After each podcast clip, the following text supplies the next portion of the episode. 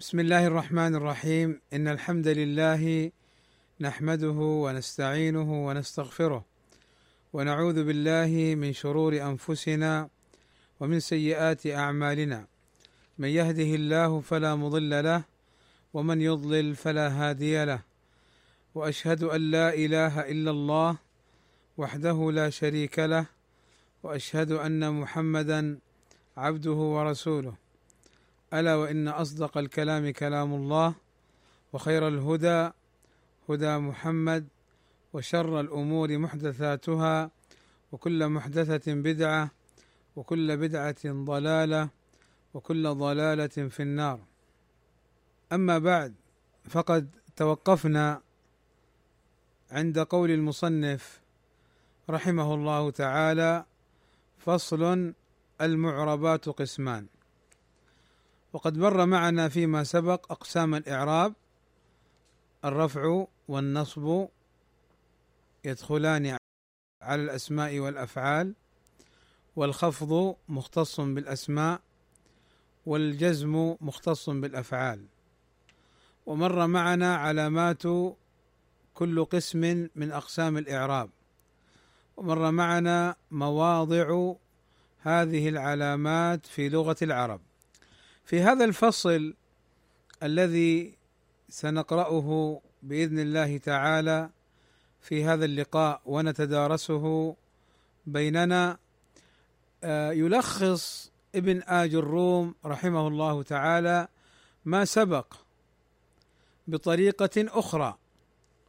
فما سبق ذكر أقسام الإعراب وذكر علاماته ثم ذكر مواضعه من لغة العرب. أما في هذا الفصل فإن ابن آج الروم يبين لنا أن المعربات قسمان. قسم يعرب بالحركات وقسم يعرب بالحروف. الحركات الضمة والفتحة والكسرة والسكون. وقسم يعرب بالحروف الواو والألف والياء والنون.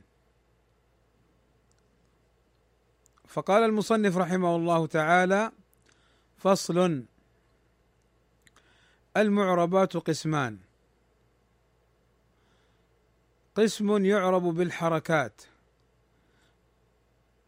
أي الضمه والفتحه والكسره والسكون. وقسم يعرب بالحروف أي الواو والألف والياء والنون. فالذي يعرب بالحركات أربعة أنواع الاسم المفرد وجمع التكسير وجمع المؤنث السالم. والفعل المضارع الذي لم يتصل بآخره شيء.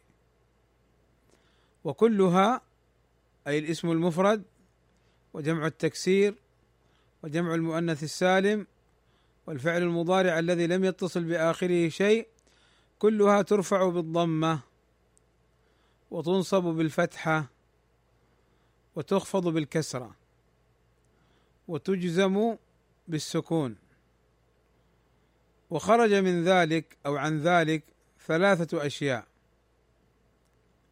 يعني يستثنى ثلاثة أشياء قد يختلف حكمها الإعرابي عما سبق. سيبين المصنف ذلك. فقال جمع المؤنث السالم ينصب ليس بالفتحة وإنما بالكسرة نيابة عن الفتحة. والاسم الذي لا ينصرف جمع المؤنث السالم نقول إن الطالبات مجتهدات فإن حرف نصب وتوكيد. أما حرف نصب فلأنه ينصب الاسم وأما التوكيد فلأنه يؤكد معنى الاجتهاد في الطالبات. إن الطالبات الطالبات اسم إن منصوب وعلامة نصبه الكسرة نيابة عن الفتحه لأنه جمع المؤنث السالم. مجتهدات خبر إن مرفوع وعلامة رفعه الضمة.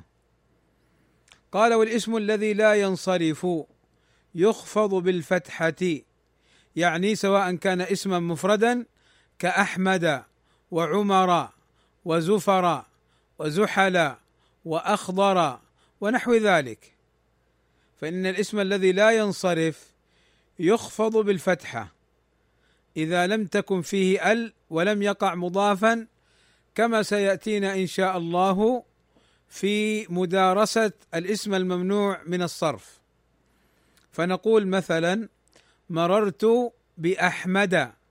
مر فعل ماضي والتاء تاء الفاعل والباء حرف جر وأحمد اسم مجرور بالباء وعلامة جره الفتحه نيابة عن الكسرة لأنه ممنوع من الصرف. والله عز وجل ذكر في قصة داود قال يصنعون له ما يشاء من محاريب وتماثيل وجفان من حرف جر. محاريب اسم مجرور بمن وعلامة جره الفتحة نيابة عن الكسرة لأنه ممنوع من الصرف. لأنه على وزن مفاعيل. وكذا تماثيل وحرف عطف.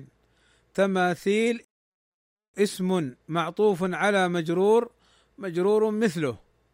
فتماثيل اسم معطوف على مجرور وعلامة جره الفتحة. نيابة عن الكسرة لأنه ممنوع من الصرف. فقول المصنف والاسم الذي لا ينصرف يدخل فيه الاسم المفرد وجمع التكسير غير المنصرفين فتماثيل ومحاريب جمع تكسير. قال والفعل المضارع المعتل الآخر يجزم بحذف آخره كما مر معنا. إذا كان آخر الفعل ألف يسعى أو واو يدعو أو ياء يرمي فإنها في حالة الجزم ليس السكون وإنما حذف حرف العلة فتحذف الألف ويعوض عنها فتحة على العين في يسعى يسعى ويدعو تحذف الواو ويعوض عنها الضمة فنقول يدعو. ويرمي تحذف الياء ويعوض عنها الكسرة على الميم. فإذا الاسم المفرد وجمع التكسير وجمع المؤنث السالم والفعل المضارع الذي لم يتصل بآخره شيء كلها ترفع بالضمة وتنصب بالفتحة وتخفض بالكسرة وتجزم بالسكون كما مر النصب والرفع يدخلان على الأسماء والأفعال والجر مختص بالأسماء والجزم مختص بالأفعال. قال وخرج عن ذلك ثلاثة أشياء. جمع المؤنث السالم ينصب بالكسرة والاسم الذي لا ينصرف يخفض بالفتحه والفعل المضارع المعتل الآخر يجزم بحذف آخره. فإذا بارك الله فيكم. لو أردنا أن نقول الاسم المفرد الاسم المفرد الاسم المفرد نقول يرفع بالضمة وينصب بالفتحه ويجر بالكسرة إن كان غير ممنوع من الصرف ويجر بالفتحة إن كان ممنوعا من الصرف. جمع التكسير يرفع بالضمة وينصب بالفتحه ويجر بالكسرة إن كان غير ممنوع من الصرف. ويجر بالفتحة إن كان ممنوعا من الصرف. فجمع التكسير يجر بالكسرة إن كان غير ممنوع من الصرف. أو في الحالة التي يجوز فيها جر وكسر الاسم الممنوع من الصرف كما سيأتينا. ويجر بالفتحة نيابة عن الكسرة إن كان ممنوعا من الصرف. جمع المؤنث السالم يرفع بالضمة. وينصب بالكسرة نيابة عن الفتحة ويجر بالكسرة. الفعل المضارع الذي لم يتصل بآخره شيء ولم يسبق بناصب ولا جازم فإنه يرفع بالضمة. فإن سبق بناصب فإنه ينصب بالفتحة والمراد به هنا الفعل المضارع الصحيح الآخر غير الأفعال الخمسة. يرفع بالضمة إن لم يتصل بآخره شيء ولم يسبق بناصب ولا جازم. فإن سبق بناصب فإنه ينصب بالفتحة فإن سبق بجازم فإن كان صحيح الآخر فإنه يكون مجزوما بالسكون. فإن كان معتل الآخر فإنه يكون مجزوما بحذف حرف العلة. قال المصنف رحمه الله تعالى بعد ذلك والذي يعرب بالحروف أربعة أنواع. هو ذكر سابقا ما يعرب بالحركات وقلنا مسبقا إن المراد بالحركات الضمة والفتحة والكسرة والسكون. وقلنا مسبقا إن المراد بالحروف الواو والألف والياء والنون. فقال المصنف رحمه الله تعالى والذي يعرب بالحروف أربعة أنواع التثنية أي المثنى وجمع المذكر السالم والأسماء الخمسة. والأفعال الخمسة وهي يفعلان وتفعلان ويفعلون وتفعلون وتفعلين. قال فأما التثنية أي المثنى فترفع بالألف وتنصب وتخفض بالياء. تقول جاء الرجلان في حالة الرفع. وفي حالة النصب رأيت الرجلين بالياء ومررت بالرجلين بالياء في حالة الخفض. وأما جمع المذكر السالم فيرفع بالواو وينصب ويخفض بالياء. تقول جاء المسلمون في حالة الرفع. وفي حالة النصب رأيت المسلمين بالياء. في حالة الرفع بالواو. جاء المسلمون في حالة الرفع بالواو. ورأيت المسلمين في حالة النصب بالياء. ومررت بالمسلمين في حالة الخفض بالياء. وأما الأسماء الخمسة وهي أبوك وأخوك وحموك وذو مال وفوك ترفع بالواو. أبوك رجل كريم. في حالة الرفع ترفع بالواو وتنصب بالألف. إن أباك رجل كريم. في حالة النصب تنصب بالألف وتخفض بالياء. مررت بأبيك. وأما الأفعال الخمسة وهي كما سبق يفعلان وتفعلان وتفعلون ويفعلون وتفعلين أي ما كان على وزنها. مثل يكتبان وتكتبان ويكتبون وتكتبون وتكتبين. وتأكلان ويأكلان وتأكلون ويأكلون وتأكلين وهكذا. هذه أمثلة يقيس عليها طالب العلم. قال وأما الأفعال الخمسة فترفع بالنون. تقول المسلمون يصلون الظهر فيصلون فعل مضارع مرفوع وعلامة رفعه ثبوت النون. وتنصب أي الأفعال الخمسة وتجزم بحذفها أي بحذف النون. فتقول المسلمون لن يهملوا في صلاتهم. فلن حرف نصب ونفي واستقبال. ويهمل فعل مضارع منصوب بلن وعلامة نصبه حذف النون لأنه من الأفعال الخمسة. وسبق بناصب ولم يتصل بآخره شيء. ونقول المسلمون لم يهملوا في صلاتهم. فلم حرف جزم ونفي وقلب ويهمل فعل مضارع مجزوم بلم وعلامة جزمه حذف النون لأنه من الأفعال الخمسة. فهنا بين المصنف رحمه الله تعالى ما يعرب بالحركات وما يعرب بالحروف. فنقول بارك الله فيكم مرة أخرى. إن ما يعرب بالحركات أربعة. أربعة أنواع. الاسم المفرد. والاسم المفرد ما هو؟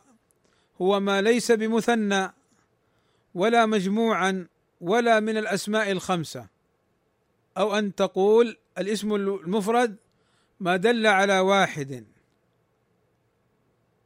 فخرج المثنى والمجموع. وليس من الأسماء الخمسة. فحكم الاسم المفرد يرفع بالضمة وينصب بالفتحة ويجر بالكسرة إن كان مصروفا ويجر بالفتحة إن كان ممنوعا من الصرف. كما مر معنا. أيضا مما يعرب بالحركات جمع التكسير. وجمع التكسير هو ما دل على أكثر من اثنين اثنت أو اثنتين مع تغير وهذا تكسر مع تغير في صيغة المفرد. رجل رجال. قلم أقلام. كتاب كتب. لذلك هذا التغير يسمى عند النحاة تكسير أي تغير لم يبقى على صورته الأولى. فجمع التكسير يرفع بالضمة وينصب بالفتحه ويجر بالكسرة إن كان مصروفا ويجر بالفتحة إن كان ممنوعا من الصرف كما سيأتينا بشرطه إن شاء الله. والثالث مما يعرب بالحركات جمع المؤنث السالم وهو ما جمع بألف وتاء مزيدتين على مفرده. فجمع المؤنث السالم يرفع بالضمة ويجر بالكسرة وينصب بالكسرة نيابة عن الفتحه ومما يعرب بالحركات أيضا الفعل المضارع الذي لم يتصل بآخره شيء. الفعل المضارع المراد به غير الأفعال الخمسة فإن كان صحيح الآخر أو معتل الآخر ولم يسبق بناصب ولا جازم ولم يتصل بآخره شيء فإنه يرفع بالضمة. وإن كان صحيح الآخر أو معتل الآخر ولم يتصل بآخره شيء وسبق بناصب فإنه ينصب بفتحة. فنقول لن يقوم ولن يرمي ولن يسعى ولن يدعو. وإن كان الفعل المضارع صحيح الآخر ولم يتصل بآخره شيء وسبق بجازم وهو صحيح الآخر فإنه يجزم بالسكون. وإن كان معتل الآخر وسبق بجازم فإنه يجزم بحذف حرف العلة. وأما المعربات بالحروف فهي أربعة. المثنى وجمع المذكر السالم والأسماء الخمسة والأفعال الخمسة. فالمثنى ما دل على على اثنين أو اثنتين بزيادة ألف ونون. رجلان امرأتان أو ياء ونون رجلين أو امرأتين. وحكم المثنى أنه يرفع بالألف وينصب بالياء. ويجر بالياء. هذان رجلان. في حالة الرفع بالألف ورأيت رجلين في حالة النصب بالياء. ومررت برجلين في حالة الجر بالياء. وأما جمع المذكر السالم فهو ما دل على أكثر من اثنين بزيادة واو ونون مسلمون. أو ياء ونون مسلمين على مفرده. ففي حالة الرفع بالواو وفي حالة النصب والجر بالياء. وأما الأسماء الخمسة فهي كما سبق معنا أبوك أخوك حموك فوك ذو مال وترفع بالواو جاء أبوك وتنصب بالألف رأيت أباك إن أباك وتجر بالياء مررت بأبيك. فهذه الأسماء الخمسة هذا إعرابها. وقد ذكر النحاة لإعراب الأسماء الخمسة بعض الشروط حتى تعرب هكذا. فالشرط الأول أن تكون مفردة أب أبوك أخ أخوك. حم حموك. أما لو ثنيت فتعرب إعراب المثنى. جاء الأخوان. وإن جمعت أعربت إعراب الجمع مثل آباء وإخوة ونحو ذلك. فلا بد أن تكون الأسماء الخمسة مفردة. الشرط الثاني أن تكون مكبرة. أخ أب أخوك أبوك. أما لو صغرت أخي أبي فإنها تعرب بالحركات. نحو جاء أخيك ورأيت أخيك وسلمت على أخيك. فهنا غير مكبرة مصغرة. فلا بد أن تكون مكبرة. والشرط الثالث أن تكون مضافة فإن لم تضف أعربت بالحركات الظاهرة. مثلا أبوك لكن لو قلت جاء أب ورأيت أبا ومررت بأب فإنها تعرب بالحركات كالاسم المفرد. فلا بد أن تكون مضافة. وهذا الشرط الرابع أن تكون إضافتها إلى غير الياء. مثلا الكاف أو الهاء أبوك أبوه فإن أضيفت إلى ياء المتكلم أعربت بحركات مقدرة على ما قبل ياء المتكلم. جاء أخي ورأيت أبي وسلمت على أخي. نقول جاء أخي جاء فعل ماضي وأخي فاعل مرفوع علامة رفعه الضمة المقدرة على ما قبل ياء المتكلم. وأخ مضاف وياء ضمير متصل في محل جر بالإضافة أيضا يشترطون ذو أن تكون بمعنى صاحب ذو مال أي صاحب مال. ويشترطون في فوك بمعنى الفم أن تكون خالية من الميم فوكا. فإن كانت فيها الميم أعربت إعراب الاسم المفرد. هذا فمك ورأيت فمك. وعلى فمك شيء من الطعام ونحو ذلك. ومما يعرب الإعراب بالحروف الأفعال الخمسة.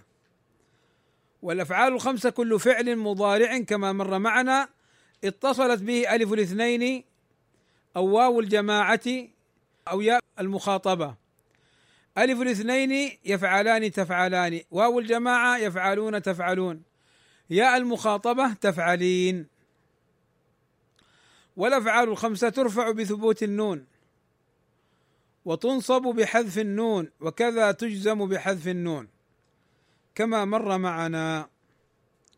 فإذا هذا الفصل عقده ابن آج الروم رحمه الله تعالى ليسهل لنا فهم القواعد السابقة. وأنا أعتبر هذا الفصل هو عبارة عن قواعد الباب الذي تدارسناه سابقا وهو باب أنواع الإعراب وأقسامه. فتكون القواعد هكذا المعربات إما بالحركات وإما بالحروف وبالحركات المراد بها الضمة والفتحة والكسرة والسكون والحروف المراد بها الألف والواو والياء والنون.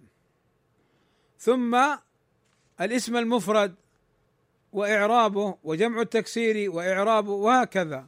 فهذه هي قواعد الإعراب لمن أراد أن يحفظها. ولذا أنا لم امل سابقا قواعد لأن هذه القواعد التي ذكرها ابن آج الروم رحمه الله تعالى تغني عن إملاء القواعد. فإذا حفظها طالب العلم فإنه يسهل عليه هذا الباب إن شاء الله تعالى. ثم ذكر المصنف رحمه الله تعالى باب الأفعال والأفعال كما مر معنا ثلاثة إما فعل وقع قبل زمن التكلم وهو الماضي وإما فعل وقع بعد زمن التكلم فهو المضارع. إما فعل يقع في الاستقبال فهو الأمر. والأفعال تختلف أحكامها وإعرابها فالماضي والأمر مبنيان والمضارع يعرب ويبنى. يعرب ويبنى كما سيأتي مفصلا بإذن الله تعالى. قال ابن آج الروم رحمه الله تعالى باب الأفعال. الأفعال ثلاثة أي في لغة العرب ماض ومضارع وأمر نحو ضرب ماض ويضرب مضارع واضرب أمر. قال فالماضي مفتوح الآخر أبدا. طبعا هذا سيأتي التعليق عليه. وذلك أن قوله رحمه الله تعالى والماضي مفتوح الآخر أبدا هذا يعني ذهب إليه بعض النحاة لكن من النحاة من فصلوا. فنقول الفعل الماضي مبني. وبناء الفعل الماضي إما على الفتح وإما على الضم وإما على السكون. متى يبنى الفعل الماضي على الفتح؟ يبنى الفعل الماضي على الفتح إذا لم يتصل به شيء. نحو قال وذهب وكتب وأكل أو اتصلت به تاء التأنيث الساكنة. نحو قالت هند. أو ألف الاثنين. نحو الطالبان قاما. فهنا كله نقول فيه فعل ماضي مبني على الفتح. ويبنى الفعل الماضي على الضم إذا اتصلت به واو الجماعة. مثل قولنا المسلمون صلوا. فالمسلمون مبتدأ مرفوع وعلامة رفعه الواو لأنه جمع مذكر سالم. وصلوا فعل ماضي مبني على الضم لاتصاله بواو الجماعة. ويبنى الفعل الماضي على السكون إذا اتصلت به تاء الفاعل. نحو أكلت أكلت التفاحة. أكل فعل ماضي مبني على السكون لاتصاله بتاء الفاعل. وتاء الفاعل ضمير مبني متصل في محل رفع فاعل. والتفاحة مفعول به منصوب وعلامة نصبه الفتحة لأنه اسم مفرد. ويبنى الفعل الماضي على السكون إذا اتصلت به ناء الفاعلين ناء الدالة على الفاعلين. نحو مثلا أقمنا الصلاة. أقام فعل ماضي مبني على السكون لاتصاله بناء الدالة على الفاعلين. وناء الدالة على الفاعلين ضمير مبني ضمير متصل مبني في محل رفع فاعل. الصلاة مفعول به. منصوب وعلامة نصبه الفتحة لأنه اسم مفرد. وكذا إذا اتصلت به نون النسوة. إذا اتصلت بالفعل الماضي نون النسوة فإنه يبنى على السكون. الطالبات كتبن الدرس. الطالبات مبتدأ. مرفوع علامة رفعه الضمة لأنه جمع مؤنث سالم. كتبنا فع كتب فعل ماضي مبني على السكون لاتصاله بنون النسوة. ونون النسوة ضمير متصل مبني في محل رفع فاعل. والدرس مفعول به منصوب وعلامة نصبه الفتحة لأنه اسم مفرد. وعلى قول المصنف رحمه الله تعالى فالماضي مفتوح الآخر أبدا فإنه يقدر الفتح في حالة الضم وفي حالة السكون. ولكن الأفضل أو الأسهل لطلبة العلم ما سبق من التقسيم وهذا الذي يجري عليه كثير من العلماء. وبهذا نكون قد انتهينا من الفعل الماضي وما يتعلق بإعرابه. قال المصنف رحمه الله تعالى بعد أن ذكر الفعل الماضي فالماضي مفتوح الآخر أبدا قال والأمر مجزوم أبدا. طبعا هنا الأمر مبني عند البصريين عند الكوفيين مجزوم معرب. لكن الذي يس يعني هو مشتهر والأكثر عند أهل العلم عليه أهل البصرة. فالأمر مبني.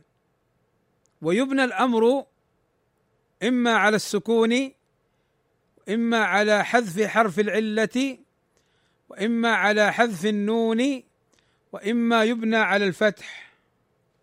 فيبنى الأمر على السكون إذا كان فعل الأمر صحيح الآخر مثل اكتب ولم يتصل بآخره شيء أو اتصلت به نون الإناث أو النسوة.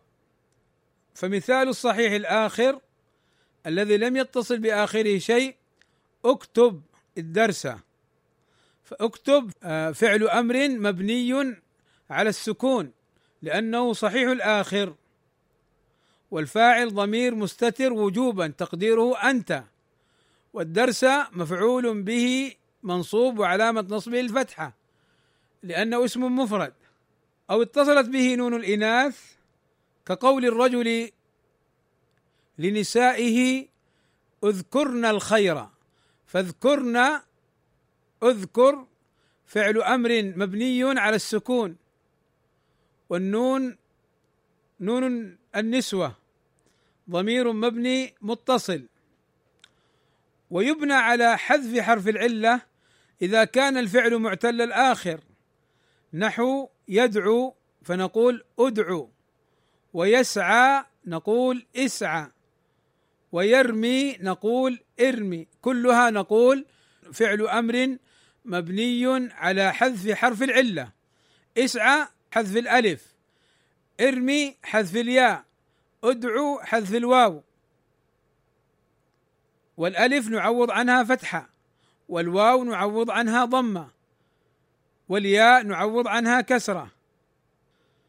ويبنى فعل الأمر على حذف النون. إذا اتصلت به ألف الاثنين أو واو الجماعة أو ياء المؤنث المخاطبة. مثل قوما اكتبا واو الجماعة اكتبوا ياء المؤنث المخاطبة اكتبي فكلي واشربي وقري عينا كلها على حذف النون. إذا اتصلت بفعل الأمر ألف الاثنين أو واو الجماعة أو ياء المخاطبة.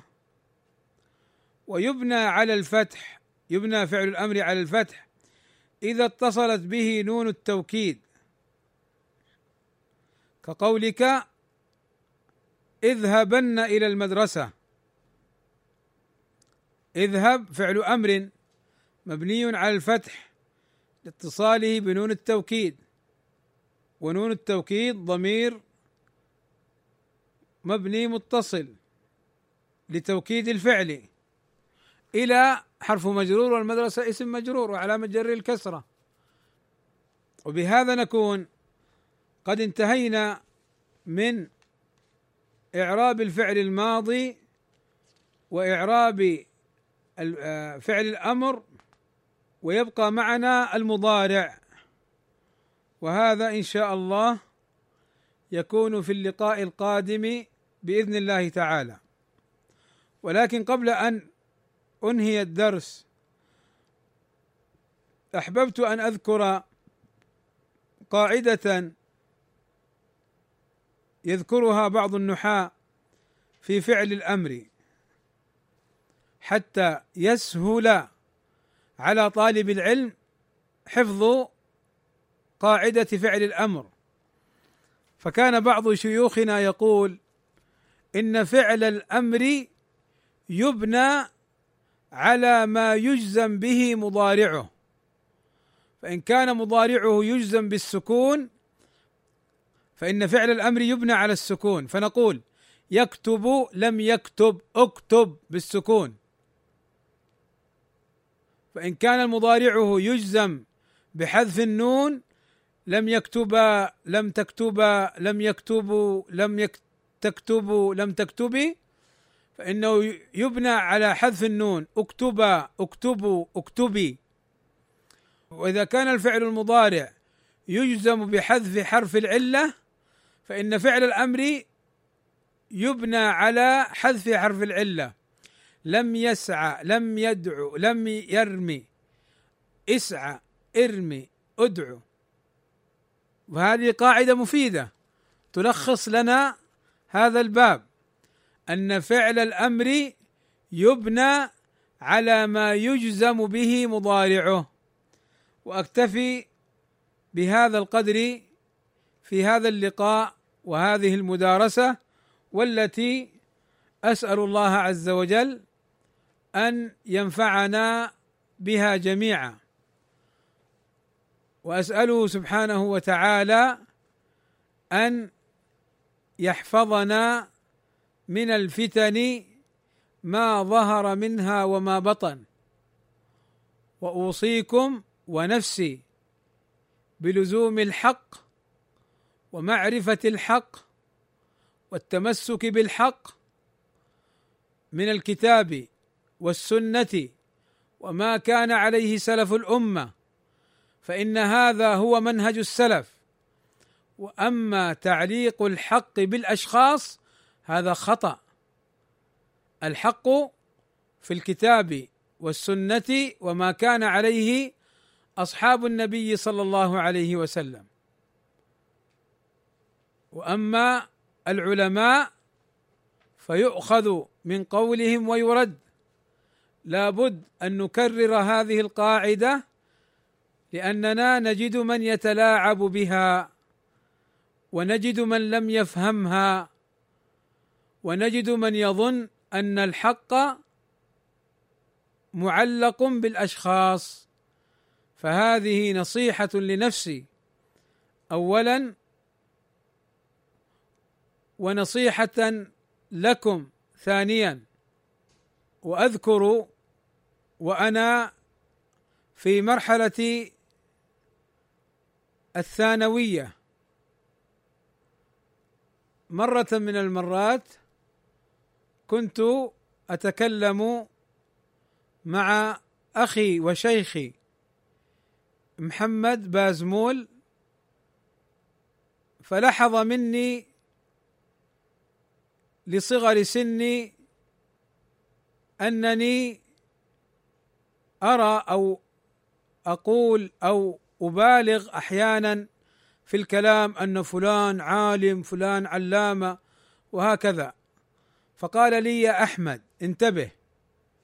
العلماء نحبهم ونحترمهم ولكن الحق أحب إلينا. ولا نقدم قول عالم على الحق كائنا من كان. فالعلماء احترامهم وحبهم أمر ولكن تعليق الحق بهم من حيث هم خطأ. وإنما الحق يا أحمد في الكتاب والسنة وما كان عليه أصحاب النبي صلى الله عليه وسلم هذا طوق النجاة فليكن في عنقك. جزاه الله خيرا. نصيحة بحمد الله وبفضل الله عز وجل آه، نشأت عليها ويعني استفدت منها كثيرا.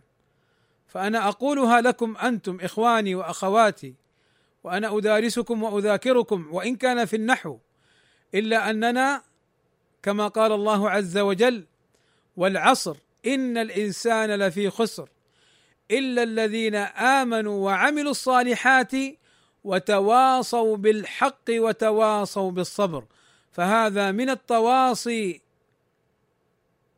بالحق إن شاء الله تعالى وصلى الله وسلم على نبينا محمد وعلى آله وصحبه أجمعين والحمد لله رب العالمين.